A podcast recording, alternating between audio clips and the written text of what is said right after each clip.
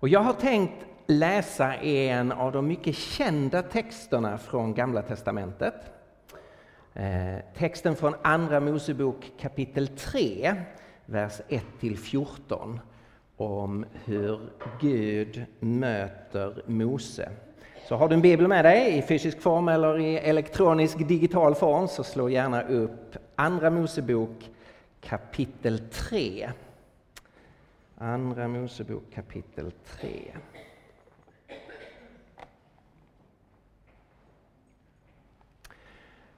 En gång när Mose vaktade fåren åt sin svärfar Jetro, prästen i Midjan, drev han dem till andra sidan öknen och kom till Guds berg Horeb. Där visade sig Herrens ängel för honom i en eldslåga som slog upp ur en törnbuske. När Mose såg att busken stod i låga utan att brinna upp tänkte han, vilken märklig syn. Jag måste gå dit och se varför busken inte brinner upp. Då Herren såg att han gick för att se efter ropade Gud till honom ur törnbusken. Mose, Mose! Han svarade, ja, här är jag. Herren sa, kom inte närmare. Ta av dig dina skor, du står på helig mark. Och han fortsatte, jag är din faders Gud, Abrahams Gud, Isaks Gud och Jakobs Gud. Då skylde Mose sitt ansikte. Han vågade inte se på Gud. Herren sa, jag har sett hur mitt folk plågas i Egypten. Jag har hört deras klagorop över sina slavdrivare. Ja, jag vet vad det får leda. Därför har jag stigit ner för att befria dem från egyptierna och föra dem från Egypten till ett land som är rikt och vidsträckt och som flödar av mjölk och honung. Det land där det nu, där det nu bor kananéer, hetiter, amoreer, periseer, hiver och jevuser. Nu har israeliternas klagorop nått mig och jag har själv sett hur egyptierna plågar och förtrycker dem. Så gå nu, jag sänder dig till farao och du ska föra mitt folk, israeliterna, ut ur Egypten. Mose invände, hur skulle en sådan som jag kunna gå till farao och föra israeliterna ut ur Egypten? Gud svarade, jag skall vara med dig. Och detta är tecknet som skall visa att det är jag som har sänt dig. När du har fört folket ut ur Egypten ska ni hålla gudstjänst på detta berg. Då sa Mose till Gud, om jag nu kommer till israeliterna och säger att deras fäders Gud har sänt mig till dem och de frågar efter hans namn, vad ska jag då svara? Gud sa, jag är den jag är. Säg dem att han som heter Jag är har sänt dig till dem. Herre, jag tackar dig för ditt ord och jag ber dig nu att du ska öppna ditt ord för oss och jag ber dig att du ska öppna upp oss, våra liv, vår tanke och vårt hjärta och vår vilja för ditt ord. Herre, kom och vidrör oss. Amen.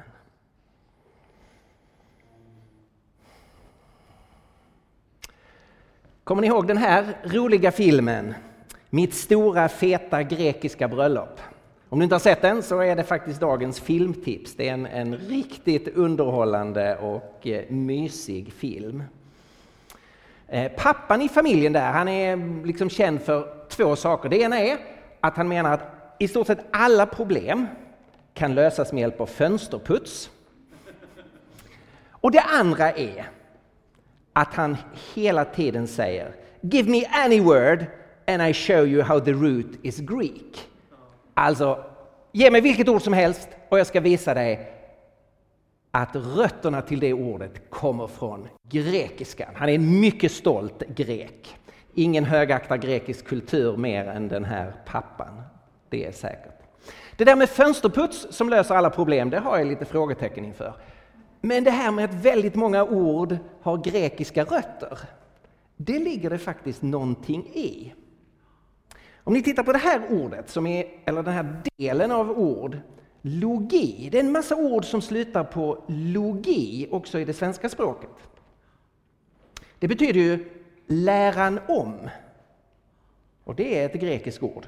Det kommer från logos, ordet om. Så alla ord som slutar på logi, det är ju läran om. Och så har vi då en förfärlig massa ord som teologi, det är ju läran om Gud. Eller kosmologi, det är ju läran om kosmos, som universum. Eller geologi, läran om jorden.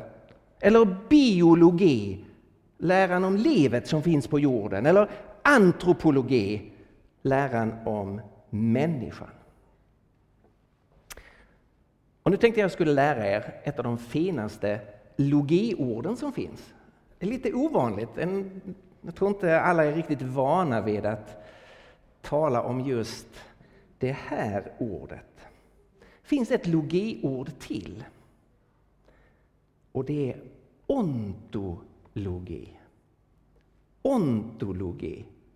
Från ett grekiskt ord som betyder är. Så det är helt enkelt läran om varande, om vad det är som ytterst sett finns. Läran om det som är, läran om varandet. Ja, det är ett ord som filosofer tycker om att använda. Läran om varandet.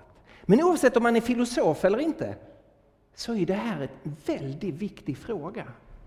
Vad är det som ytterst sett finns?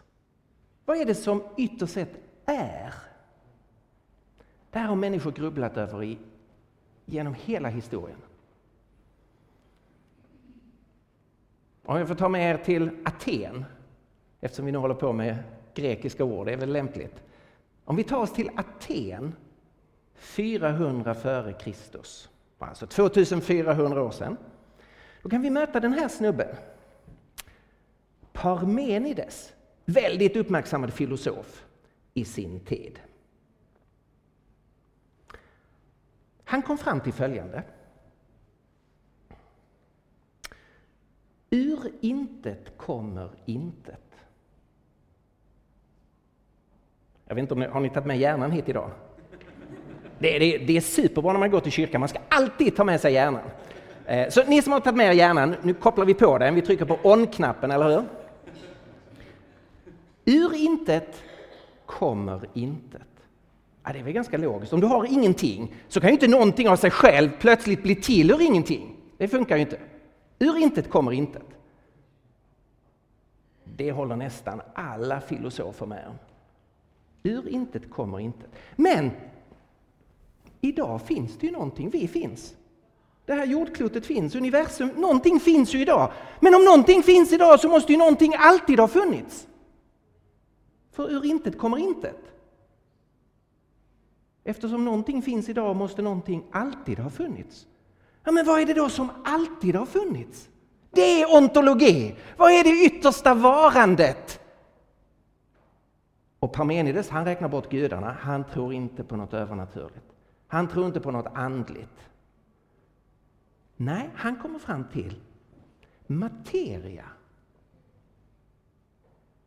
Det som vi består av, det som marken består det som det har alltid funnits. Materia är det yttersta varat. Det har alltid funnits, det kommer alltid att finnas, säger Parmenides. Så han är ju ateist, han tror inte på Gud. Man kan säga att han är materialist, han tror att materia är det enda som finns.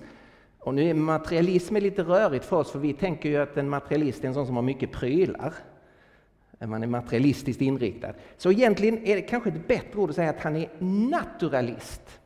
Naturen, som ju består av energi och materia, det är det yttersta varat, det som alltid har funnits och alltid kommer att finnas. Okej, okay, nu sitter en del här och tänker, vad i all sin dag är det här för en predikan i Pingstkyrkan? Så, kan man inte, så här kan man väl inte börja en predikan, vad har detta med någonting att göra? Om man inte är filosof, varför ska man tänka på sånt här? Mm. Det här har väldigt mycket med verkligheten att göra. Låt oss göra lite reality check. Alltså, vad du påstår om den yttersta verkligheten, det är enormt viktigt. Därför att det påverkar hur du förstår allting annat. En del personer tänker så här att de här stora frågorna om vad är det som egentligen finns och så, det är liksom lite som toppen på ett, ett, du tänker ett högt torn, så är det den sista biten. Och den biten kan du ju slänga bort och så står tornet kvar. Men så är det inte. Frågan om vad som är, vad som alltid har funnits, det är den första byggstenen. Tar du bort den så rasar allt du har byggt på det tornet. Du kan inte ta bort den nedersta biten utan att allt annat faller. Vad du säger om den yttersta verkligheten kommer påverka precis allting. Det som Parmenides sa, och nu struntar vi i Grekland och 2400 år sedan. Han sa ju det som majoriteten i Sverige säger idag. Finns ingen Gud. Det yttersta varat är bara kosmos. Det påverkar precis allting. Här är det en massa svenskar som går omkring och tänker att men jag plockar bort Gud, det påverkar ju ingenting. Jag lever vidare som om ingenting har hänt. Det är en fullständig bluff. Allt förändras om Gud inte finns. Då rasar allt det vi har byggt upp i vår kultur. Det är inte jag som säger det. Här har ni en eh, ledande filosof i världen, han heter Axel eh, Rosenberg är professor i filosofi på ett eh, prestigeuniversitet i USA. Han har skrivit Ateistens guide till verkligheten. Han tror inte att det finns en gud, han är naturalist. Hans svar på den ontologiska frågan är det enda som finns är den här världen. Men han inser vad det betyder. Jag ska citera från hans bok. Vet ni vad han säger? Han säger så här. Vad är konsekvensen av att Gud inte finns? Jo, det är så här. Han ställer upp det här, han börjar sin bok så här med att ställa upp en massa frågor som han svarar på. Finns det en Gud? Nej. Vad är verklighetens natur? Det som fysiken säger att den är. Finns det mening med universum? Nej. Finns det mening i livet? Nej. Varför är jag här? Ren slump. Finns det en själ? Är den odödlig? Skojar du med mig? Nej, det finns ingen själ. Har vi fri vilja? Inte en chans. Vad är skillnaden mellan rätt och fel? Gott och ont? finns ingen skillnad mellan dem. Varför ska jag försöka vara moralisk? Därför att det får dig att känna bättre än om du är omoralisk. Är abort, dödshjälp, självmord, att betala skatt, eh, bistånd, och vad som helst annat eh, som du inte tycker om. Är det förbjudet, tillåtet eller ibland obligatoriskt? Anything goes. Spelar ingen roll, du kan svara vad du vill på det. Har historien någon mening? Och han svarar med att citera Shakespeare. Historien är full av buller och bång, men betyder ingenting. Tar du bort Gud ur bilden så har livet ingen mening. Har människan ingen frihet? Finns det ingen grund för gott och ont? Ingenting spelar någon roll längre. Det här är inte små frågor. Det påverkar precis allt för den som börjar tänka efter. Okej, okay, vi har varit i Aten. Jag sa någonting om vad vi tänker här i det sekulära Sverige. Nu reser vi ännu längre bort till den egyptiska öknen för 3400 år sedan, till berget Horeb. Texten som jag började läsa här från Andra Mosebok kapitel 3 utspelar sig på den här platsen. Det är berget Horeb är en annan namn för Sinai berg. Där Gud mötte Mose i den brinnande busken och där han sen sluter förbund med Israels folk och ger de tio buden. Och vi kommer in i en situation här när Mose, som ju, om ni minns storyn, hade en väldigt privilegierad uppväxt på hovet i Egypten. Men som ödelägger allt genom att slå ihjäl en person och är tvungen att fly. Och nu har han levt som en nobody i 40 år. Han vallar får åt sin svärfar. Och så händer det någonting. Om någon av er sitter och tänker så här, mitt liv har gått snett. Jag har bara hamnat i ett ingenmansland. Jag vandrar omkring i en öken, känns som 40 år. Don't give up. Gud kan när som helst bryta in och göra något helt nytt i ditt liv. Ge aldrig upp hoppet.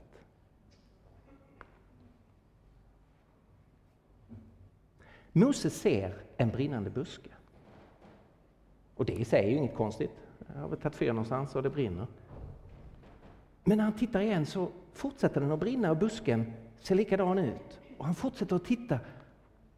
Och det händer ju ingenting med busken. Det brinner och brinner och brinner. Men busken brinner inte upp. Vad är det här? Och det väcker förstås Mose nyfikenhet. Så han närmar sig eh, busken. Och när han kommer nära så börjar Gud tala. Och det utspelar sig ett av världshistoriens mest laddade samtal. Till att börja med så handlar det om att Gud vill befria Israels folk. Gud har sett att de plågas. Han har kommit för att han vill befria och rädda folket. Men en liten bit in i samtalet så ser man att här finns en bakomliggande fråga som inte bara handlar om Israels befrielse utan som handlar om något större. Om vad eller om vem som kan befria israeliterna. Och ytterst sett handlar det faktiskt om denna filosofiska fråga, ontologi. Vad är det som ytterst sett finns? Frågan om identitet står i centrum.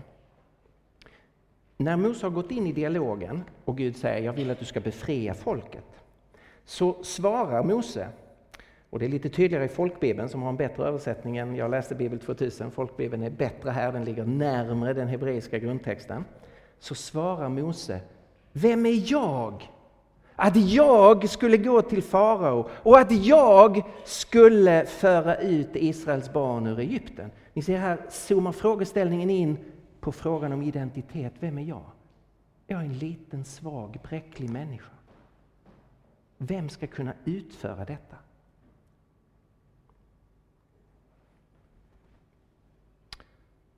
Och då svarar Gud. Att det handlar inte om Mose identitet, utan det handlar om något mycket större och mycket viktigare. Det handlar om Guds identitet. Israeliterna kände Gud och Mose hade säkert via sina föräldrar fått kunskap om Gud, om Abrahams och Isaks och Jakobs Gud. Men de kände, även om de kände till hans namn, hur, vad namnet var, så kände de inte fullheten av vem Gud är eller fullheten av vad hans namn står för. Och Mose frågar, vem ska jag säga har sänt mig? Och då avslöjar Gud sitt namn, eller uttyder sitt namn. Han säger, jag är. Jag är den som är. Och detta ska du säga till Israels barn. Jag är har sänt dig. Gud legitimerar sig. Och hans namn är existens. Det är betydelsen av hans namn. Det som på hebreiska är de fyra konsonanterna JHVH. Vi vet inte hur det, skulle hur det ska uttalas. Den kunskapen har gått förlorad. Men vi vet vad det betyder. Det, har med, det är ett ord som, som eh, betyder är eller vara.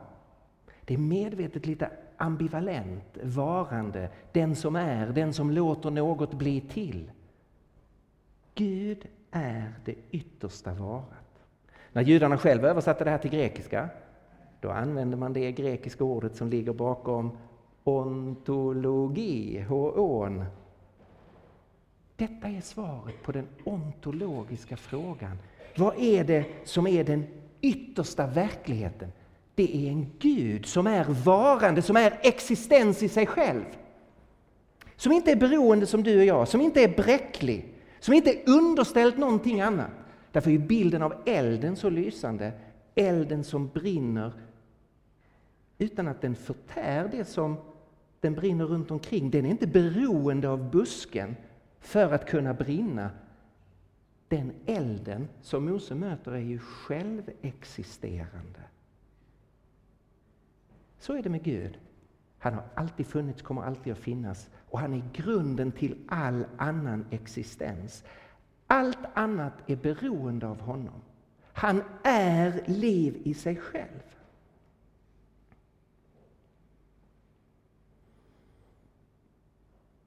Mose möter här den yttersta verkligheten, han som är.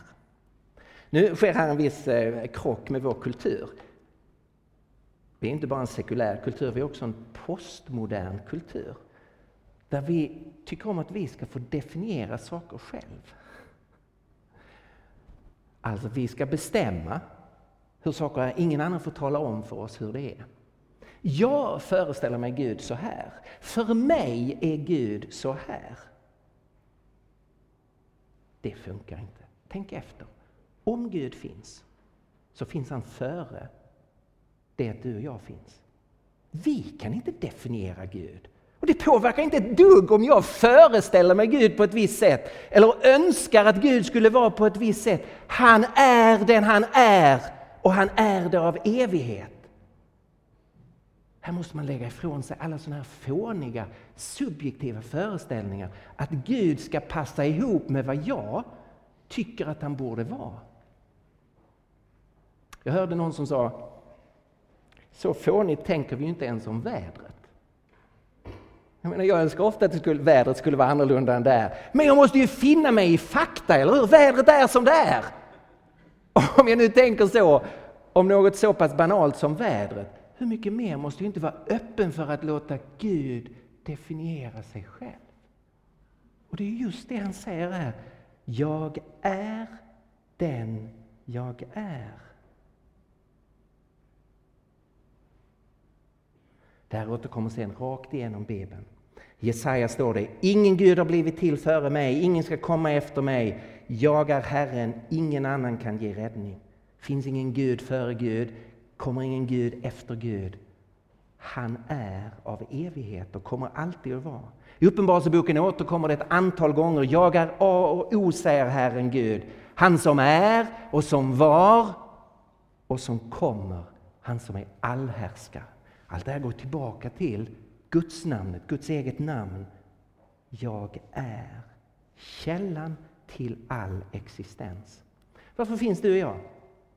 Därför att Gud först finns. Varför finns det här jordklotet? Därför att Gud först finns. Varför finns universum? Därför att Gud först finns och har låtit denna världen bli till och har låtit dig och mig få existens.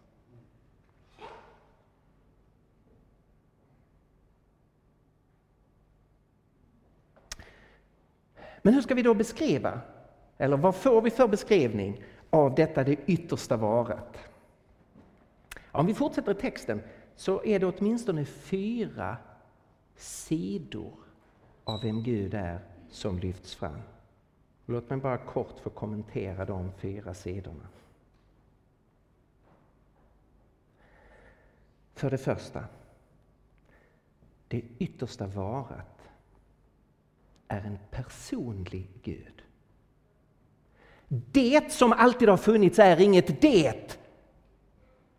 Det är ett jag. Det är ett medvetande. Det är en intelligens. Jag är. Gud är en personlig Gud. Nu måste vi tänka noggrant här. Det betyder inte att Gud är en gubbe på ett moln. Absolut inte. Gud är inte en del av tiden och rummet. Han är skapare av tid och rum och står utanför den här världen han har skapat. Vetenskapen kommer därför aldrig att hitta Gud, för Gud är inget föremål i världen som du plötsligt kan snubbla över eller upptäcka eller hitta. Men Gud är fortfarande personlig. Han är en personlig Gud. Det betyder inte att han har kropp. Igen måste vi tänka noggrant här. Även om Bibeln talar om att talar om Guds ansikte och Guds ögon och Guds öron och Guds rygg så är det metaforer, det är bilder. Jesus själv säger ju Gud är ande och ska tillbes i ande och sanning. Så fort man försöker göra Gud kroppslig så blir ju Gud begränsad, eller hur? Så Gud är inte kropp, men han är en person som har ett självmedvetande, som vet om att han finns som har en vilja, som har en kärlek, som har en intelligens. Han är en verklig person. Och det som kännetecknar ytterst sett det personliga jämfört med ting, det är ju att vi söker relation. Det är ju det mest specifika med oss människor. Att vi relaterar till andra. Gud är en personlig Gud och vi ser i texten här hur han kallar människor till sig. Mose, Mose. Gud sträcker sig ut för att etablera en relation med Mose. Han är en personlig Gud. Han kallar oss till sig. Kanske någon av er känner er övergiven av Gud. Gud vill möta dig. Gud kallar oss var och en till sig. Han kallar dig till sig. Trots att du är en liten bräcklig människa. Men tänk på Mose. Hur mycket var han i världens ögon? En fåraherde i öknen under 40 år. Han var en nobody. Och Gud kom till honom och sa Mose, Mose. För det andra så är Gud historiens Gud. Detta yttersta vara, han som är en person, jag är. Han är också den Gud som agerar i historien. Han börjar ju med att säga, jag är din faders, alltså din pappas Gud Mose. Jag är den Gud som din mamma och din pappa tillbad. Och än mer, jag är Abrahams och Isaks och Jakobs Gud. Jag är den Gud som kom till din förfader i det kaldeiska ur, Abraham, och kallade honom till mig och gav honom löften och vandrade med honom. Jag är Isaks Gud, jag är Jakobs Gud. Jag är den Gud som är på gång att göra något gigantiskt stort i historien. För det var ju det löftet Abraham fick, eller hur? I dig, i det som blir fortsättningen på det här, så ska det bli välsignelse till alla folk. Välsignelse ska börja rinna in i den här världen där mörker och djävulskap råder. Så ska välsignelse komma tillbaka och det ska komma i Abrahams släkt. Men det ska göras delaktig till alla släkten, till och med till svenskar. Det här förutsätter, har i bakgrunden att Gud är en Gud som har skapat en historia där vi befinner oss på en scen och där vi kan agera. Vi är inte robotar, allt är inte bara förutbestämt. Utan vi är verkliga individer som lever våra liv, där vi kan välja och agera. Och så har Gud valt att träda in i den här historien och bli en aktör tillsammans med oss. Ja, han är inte på samma nivå som vi. Men han väljer samtidigt att vandra med oss och arbeta i historien. Ofta tycker vi väldigt långsamt. Och det är okej okay att tycka det. Det är långa tidsrymder. Sett inifrån en människas liv så jobbar Gud väldigt långsamt. Men i evighetens perspektiv spelar det ju ingen roll om det är 5 eller 10 eller 50 eller 500 år, eller hur? Det viktiga är ju att Gud är på gång att göra något enormt stort. Vi är mitt i en historia där Gud har landstigit och har något fantastiskt på gång. Mose kunde inte se så mycket av det förstås. Han kunde se det fantastiska att Israels folk blev befriade. Och tecknet som Gud gav honom, ni ska komma tillbaka till det här berget och här ska ni fira gudstjänst och tacka mig. Det blev ju sant. Gud stod vid sitt ord. Men vi har ju sett sen vad Gud har fortsatt att göra i Israels folk med höjdpunkten i Jesus från Nasaret. Han som har dött för oss, som har uppstått och som nu sitter på Faderns högra sida. Och han är på väg att föra hela historien till en stor seger. Han är historiens Gud. För det tredje, så det yttersta varat som är en personlig Gud som arbetar i historien. Han är för det tredje befrielsens Gud. Här är en liten folkgrupp, de är förtryckta. Det är tyvärr allt för vanligt i mänsklighetens historia. Och man kan titta på det här utifrån och säga att det här är så tragiskt. Här är bara en folkgrupp som är på väg att gå under. Om det inte finns en Gud kan man bara konstatera mänskligt liv är bara en enda stor tragedi.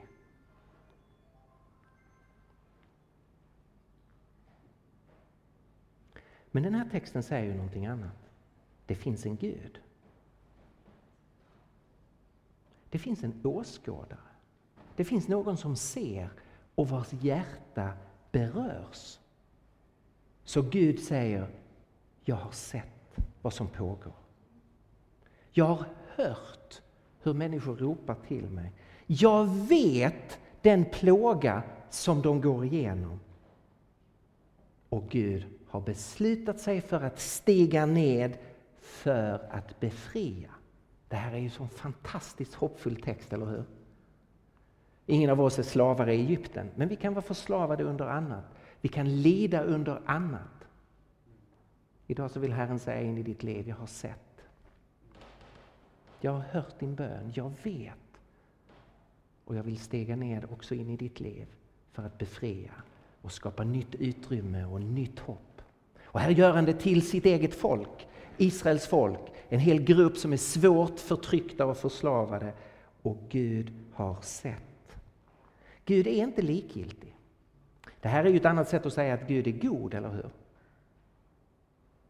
Han är inte en likgiltig betraktare, han är inte bortom gott och ont. Nej, Gud är en god Gud som står på det goda sida och som kämpar mot det onda. Som det står i Nya Testamentet, Gud är ljus och inget mörker finns i honom. Gud är kärlek. Inte bara som en mysig känsla, utan han är kärlek in action. Han steg ned för att befria Israels folk. Och I Första Johannesbrevet står det Så har vi lärt känna kärleken. Hur då? Att Jesus dog för oss. Det är verklig kärlek, det är inte bara en känsla. Det är kärlek in action, när man gör någonting för en annan.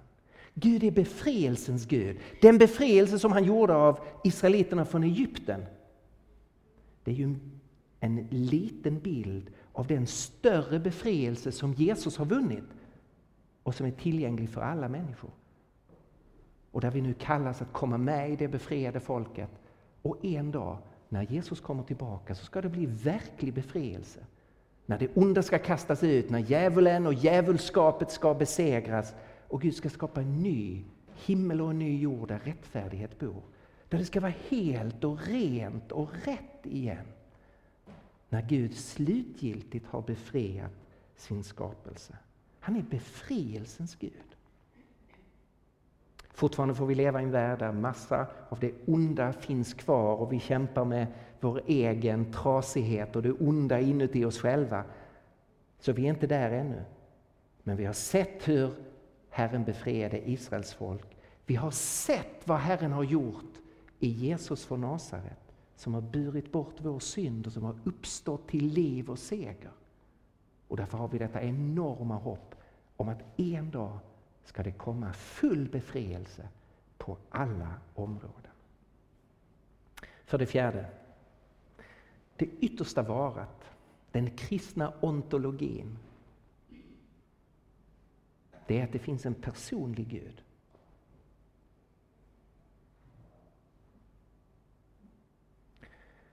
Som är en Gud involverad i vår historia. Och som är involverad inte för att förslava människor utan tvärtom för att befria människor. Och han är då för det fjärde en helig Gud. I texten här så är ju bilden av eld är ju väldigt central. Den kommunicerar både det här att Gud inte står i beroende till någonting annat. Elden brinner utan att busken förtärs därför att elden är självexisterande, så är Gud självexisterande. Men elden har ju också en, en annan symbolbetydelse. Eld för oss människor är både attraktivt och farligt, eller hur? Vi behöver eld, eld värmer, vi kan använda elden så att säga. Om man tänder en eld så dras människor dit, det är attraktivt, ljuset och värmen. Men eld är också dödligt. Det är förtärande, det är farligt. Och Det här blir ju en bild av, av Gud. Gud är attraktiv, men han är också utmanande. Gud kan faktiskt beskrivas som en förtärande eld i Gamla testamentet. Och Gud blir lite som elden, vi dras till Gud Och samtidigt så finns det saker och ting som puttar bort oss ifrån Gud.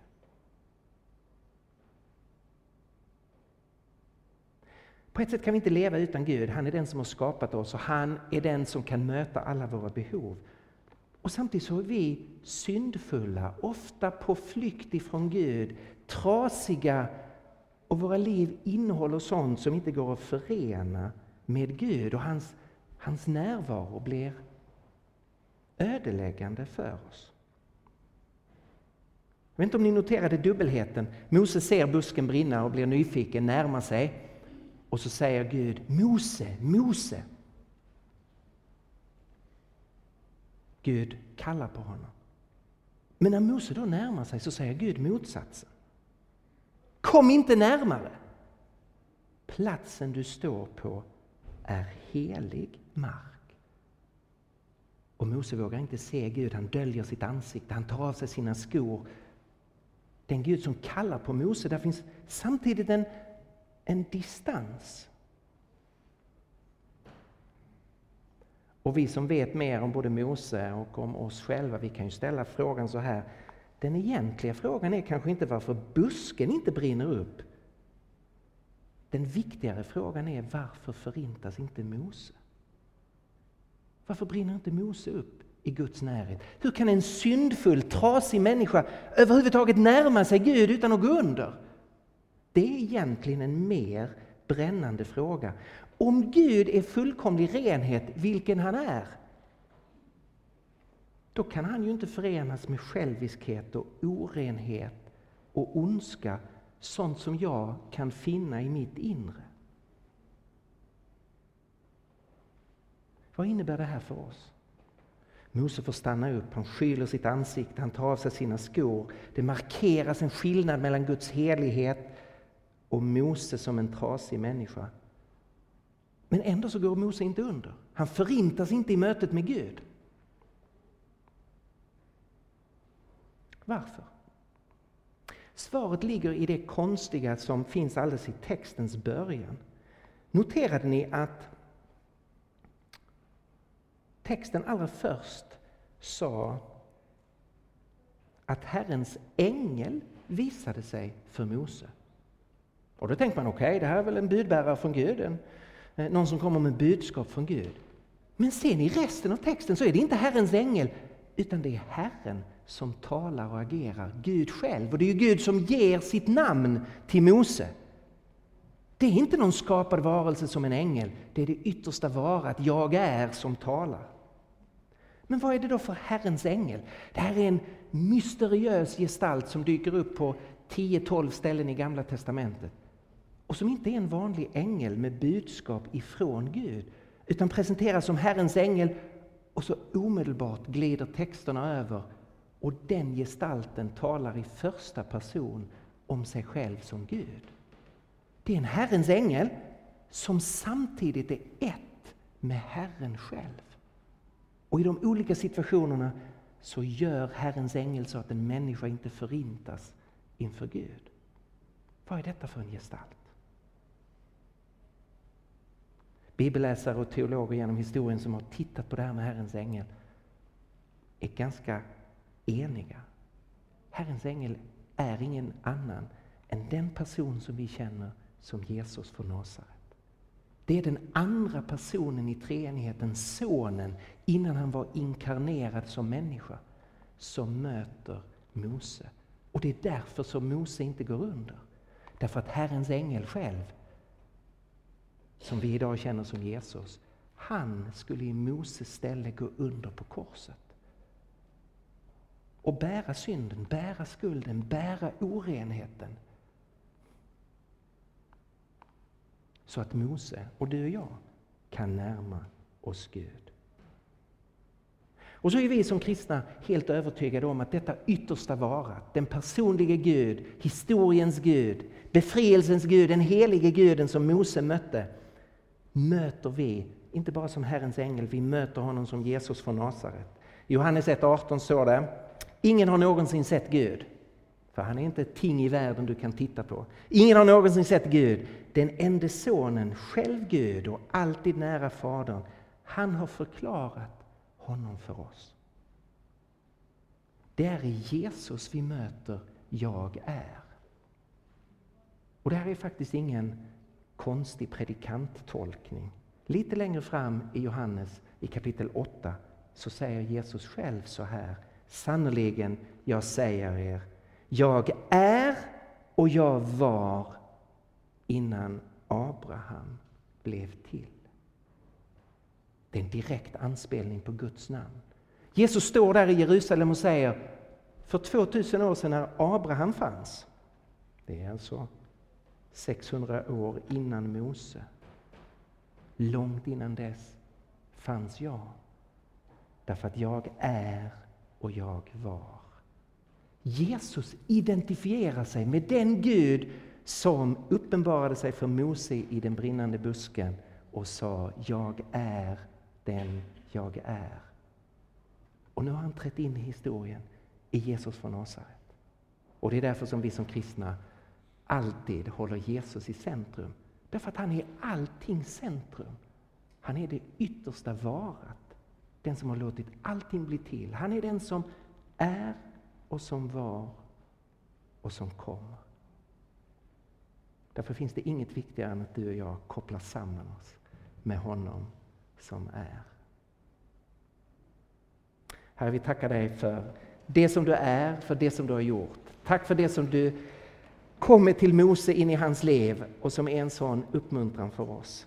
Herre, i våra små liv, i det som vi är, så vill vi koppla oss samman med dig. Vi vill ge dig äran för att du har skapat oss. Och vi vill uttrycka vårt behov av att vi behöver dig. Vi behöver din befrielse. Du som är och som var och som kommer. Kom till oss i våra liv. Det ber jag om i Jesu namn. Amen.